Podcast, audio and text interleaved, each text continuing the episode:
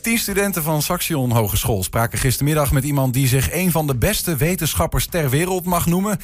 Maar zichzelf op dit moment vooral ook als student ziet. De kerstverster onderwijsminister Robert Dijkgraaf die wilde alles van hen horen over het leven op de hogeschool.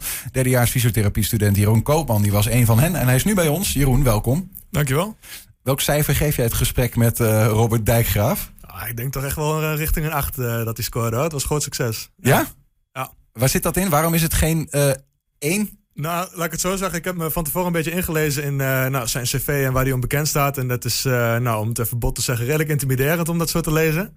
En uh, toch, als je dan eenmaal met hem praat, die indruk die je dan van hem krijgt, is nou, heel humaan en echt een heel aardige gozer komt hij, komt hij over. Ja, ja. ja. Zo, zo komt hij op mij ook, in wat ik van hem ken, ook altijd wel op tv over. Maar zo is hij in zo'n Zoom-gesprek wat je had dus ook. Ja, ja echt. Je hebt het gevoel alsof je gewoon vertrouwelijke informatie bij hem kwijt kan. En dat hij gewoon open staat voor feedback in ieder geval. Ja.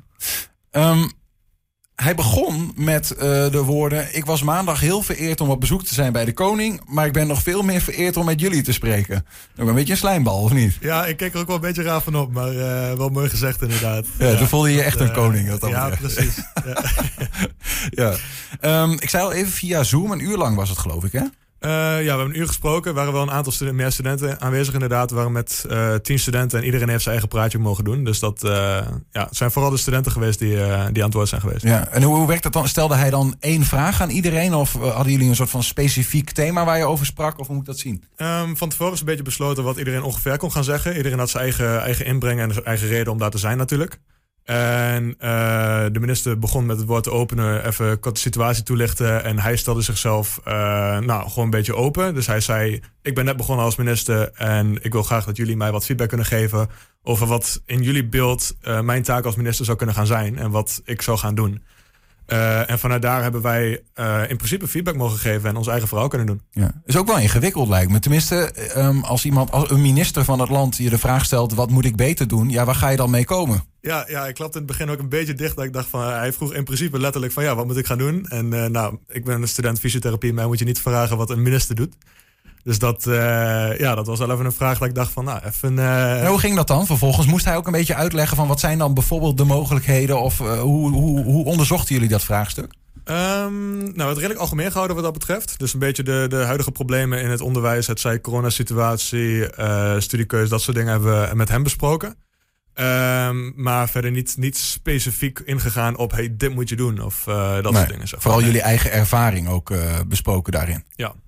Over die eigen ervaring gesproken, je noemt de coronasituatie. Vandaag werd uh, bekend dat uh, nou ja, zeer waarschijnlijk uh, gemeld gaat worden dat jullie volgende week weer fysiek naar school mogen. Ja. Hoe reageer je daar zelf op? Heel positief. Ja, ja het is met name de verhalen die je om je heen hoort. iedereen die, die kent het natuurlijk, je mag nog niet naar school. En er zijn heel veel studenten die het er gewoon moeilijk mee hebben. Die qua motivatie gebrek zitten, geen concentratie meer hebben. Met name het studentenleven gewoon missen, hun vrienden niet meer kunnen zien, et cetera. Uh, dus ik denk dat het de hoog tijd is dat wij weer naar school mogen. En uh, dit keer hopen dat het zo blijft. Ja, ja is, dat, is dat vertrouwen er, denk je, als dat zo... Want ik bedoel, de vorige keer, ik weet ik heb volgens mij minister van Engels over het horen zeggen... dit nooit weer, zei ze. Ja, ja het, is, het zou niet de eerste keer zijn dat weer open gaat... en vervolgens weer dicht, laat ik het zo zeggen. Nee. Dus uh, ik hoop dat het dit keer blijft. Maar uh, ik zou het niet, uh, geen weddenschap op durven te nemen. Um, als je het dan hebt over die coronasituatie en het gesprek wat je met, met Robert Dijkgraaf ook had. Ik begreep ook dat er werd aangegeven van ja, een, nadeel is dat het tijdens online colleges een hogere drempel is om vragen te stellen. Nou begreep ik ook van, je bent fysiotherapie-student, gaat misschien meer fysiek naar school dan anderen. Maar ervaar je dat ook zo, dat dat online les hebben gewoon, ja, dat dat toch minder goed werkt? Um, ja, het is met name ook gewoon makkelijker om de vragen niet te stellen. Om zelf uh, internet erbij te pakken. Of uh, sommige mensen vinden het ook wat, wat, confronterend om een vraag te stellen in een online sessie waar, nou, in sommige gevallen wel honderden andere studenten bij zijn. Uh, mensen willen natuurlijk ook geen domme vragen stellen, zeg maar. Dus dat, die drempel ligt inderdaad wat hoger dan in principe als jij na de les gewoon even naar een docent toe kan stappen. Ja. Dus ik denk dat dat, nu dat alles weer open gaat, wel wat meer mogelijkheden biedt. Ja. Hoe, hoe, is dat eigenlijk als je met hem spreekt? Hij, wat, wat je zei, hij is zelf student geweest, maar ook meer dan student. Werd uiteindelijk nou ja, een van de meest vooraanstaande wetenschappers van deze wereld. Ja. Merk je dat ook als je met hem uh, spreekt, dat, um, dat, dat hij, je, voelt hij jullie goed aan als studenten, zeg maar? Um, dat idee had ik wel in ieder geval. Dus met name, uh, hij is zelf natuurlijk uit de techniek. En ik was toevallig ook de enige student die niet in een technische studie zit die bij dat gesprek aanwezig ik geloof hij is natuurkundige, toch? En de rest was ook in dat gesprek. En hij, de rest van jouw studenten, uh, medestudenten was dat ook vooral. Ja, Voel je je niet buitengesloten? Enigszins. oh, ja. nee, maar het viel allemaal wel mee. Uh, het ging niet over kwantummechanica, zeg maar. hij had één keer een vergelijking gemaakt met dat je mensen niet kon aansturen, maar neuronen wel. En uh, toen dacht ik wel even van, ik heb geen idee waar je het over hebt, maar ik knik gewoon lekker Durfde je een vraag te stellen tijdens dat Zoom-gesprek daarover? Ik heb, ik heb hem er niet naar gevraagd, nee.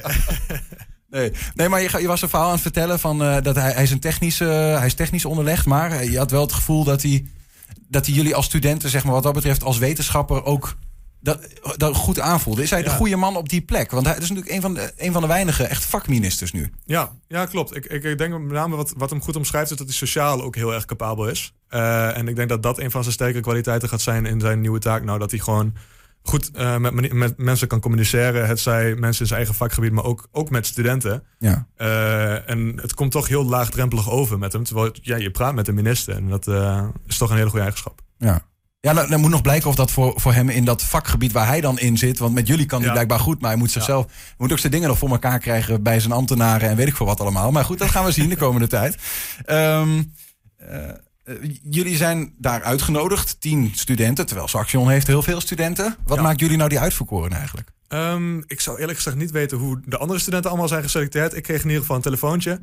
Uh, vanuit, mijn, uh, vanuit mijn werk eigenlijk. Ik werk ook voor het Saxion, uh, voor de studentenpool. bij de studentenpool werkt vanuit het pre-programma. En wat het eigenlijk een klein beetje inhoudt is... iedere student voordat je gaat studeren loop je eigenlijk een heel traject door... om je studiekeuze te maken, een beetje te oriënteren, allemaal dat soort dingen.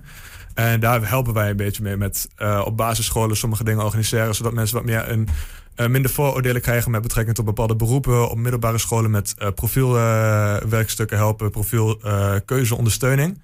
omdat kinderen eigenlijk veel te vroeg al een beetje een keuze moeten maken wat je voor de rest van je leven wil gaan doen.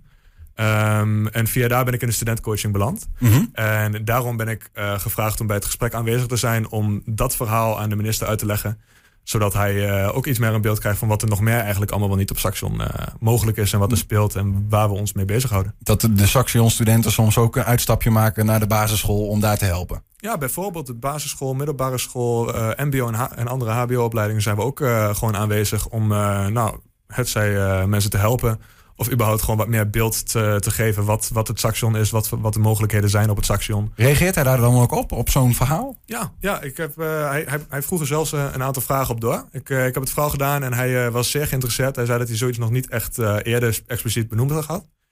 En ehm, ja, daar, had hij dan vervolgens wat vragen op van wat het nou inhield en wat de ervaringen waren. daarbij specifiek het 100 dagen programma. Dat is wat studentencoaching voordat mensen beginnen met de opleiding. Uh, ik denk dan aan een beetje wat oriëntatie over het Saxion, maar ook hoe ga je zo meteen uh, leren voor je tentamens? Hoe werkt de APA-richtlijnen? Allemaal dat soort dingen. Hoe goed. De APA-richtlijnen nog voordat je op school zit. Ehm, ja, dat, ik weet niet of je mensen dan naar school toe, uh, toe, toe lokt, maar goed. Nee, nee, het is met name echt allemaal een beetje ondersteuning en mensen bekendmaken. En een beetje die eerste schrik inderdaad, wat je nu zelf ook al een beetje aangeeft, uh, dat te voorkomen. Ja. En ehm, ja, daar reageerde hij heel positief op. Dus dat ja, was mooi om te zien. Hadden jullie nog vragen aan hem eigenlijk? Um, er waren een aantal vragen aan hem um, gericht op wat hij eigenlijk wilde gaan doen en um, hoe hij het een beetje voor ogen heeft. daar heeft hij heel verstandig antwoord op gegeven om het zo, zo breed mogelijk te antwoorden en uh, toch geen beloftes te maken, et cetera. Ja, ja. Dus dat uh, aan de ene kant jammer, aan de andere kant natuurlijk begrijpelijk voor iemand die net een paar dagen uh, in functie zit. Daarin was hij dus wel weer een beetje de politicus. Toch wel tactisch inderdaad. Ja. ja, ik zag vandaag een kop, ik denk dat het van NRC was of zo. Er stond Robert Dijkgraaf veel te intelligent om politicus te zijn. Toen dacht ik van ja, ik weet niet, je hebt hem gesproken. Ja. het, komt hij ook een beetje zo over van ja, het is wel niet, een beetje atypisch of niet? Um, aan de ene kant wel. Je, je, merkt wel echt zeker dat je met, met iemand te maken hebt die, die zo intelligent is natuurlijk. Uh, maar wat ik eerder zei, hij is natuurlijk sociaal wel gewoon, zo komt hij over in ieder geval, heel capabel. Dus wat dat betreft, uh, ja, een beetje afweging, zeg maar. Ja. Heb je hem alles kunnen zeggen of vragen wat je wilde eigenlijk? Um, dat wel eigenlijk, ja. ja het is, uh, zoals ik zei, er waren meer studenten daar aanwezig. Dus het kwam ook voor dat een andere student in een vraag stelde... of een opmerking maakte die ik zelf ook wel wilde benoemen. Uh, zoals bijvoorbeeld het leenstelsel is ook wel benoemd... wat natuurlijk ook een heel groot item van tegenwoordig is. Uh, ja, wat zijn eigenlijk de sentimenten daar? Want, want jij leeft dan net in uh, de, de, de terrorgeneratie wat dat betreft. Ja, jij moest ben- lenen. Ik ben precies begonnen in het jaar dat de leenstelsel inging. En eh, ik, eh, ik hoop dat er nog iets, eh, iets mee gedaan wordt. Eh, het zou in ieder geval heel gunstig zijn voor mezelf. Maar eh, ja, we gaan zien wat er gebeurt. Dus, Ja. eh, ja. Ja, jij zit wel echt, ik zit dat nu te bedenken. Want jij bent derdejaars fysiotherapie student. Wanneer ben je begonnen met je studie? Is een pijnlijke vraag misschien. Maar... Ja, maar uit. ik ben drie jaar geleden begonnen met de studie. Maar ik heb hiervoor nog een andere studie gevolgd. En daaraan ben ik begonnen toen het leenstelsel inging, zeg maar. En dat heb ik ook drie jaar lang gedaan. Dus ik heb Ja, ja. onderhand al zes jaar lang moeten lenen.